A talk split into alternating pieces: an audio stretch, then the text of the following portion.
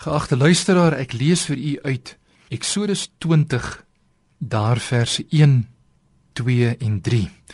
Toe het God al hierdie woorde gespreek en gesê: Ek is die Here jou God wat jou uit Egipte land uit die slawehuis uitgelei het. Jy mag geen ander gode voor my aangesig hê nie. Geagte luisteraar, u sal opmerk dat in hierdie woorde wat ek en u al soveel keer in die kerk gehoor het, dat God nie sê jy mag geen ander gode voor my aangesig hê dan sal ek vir jou 'n god wees nie.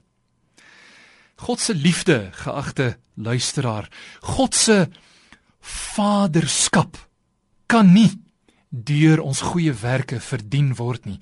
Dit is vir my en vir u verdien deur die Here Jesus Christus dis hy wat gesterf het Dis hy wat opgestaan het om vir my en u met die Vader te versoen en dit is net deur die geloof dat ons God wat die regter van die volkere en van die nasies is kan leer ken as Vader deur die geloof alleen in die Here Jesus Christus.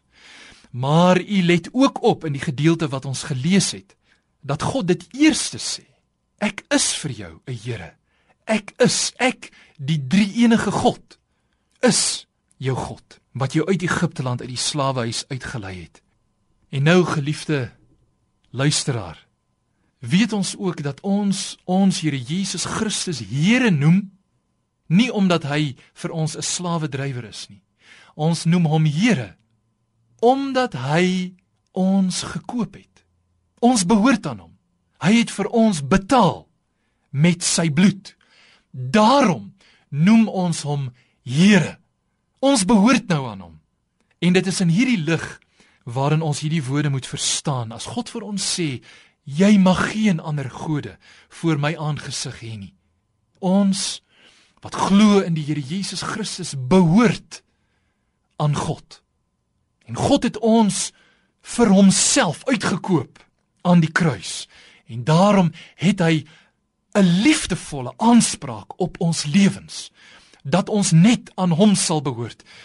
En die vraag waarmee ek u wil laat vandag, is daar 'n branding in u hart om net aan God te behoort.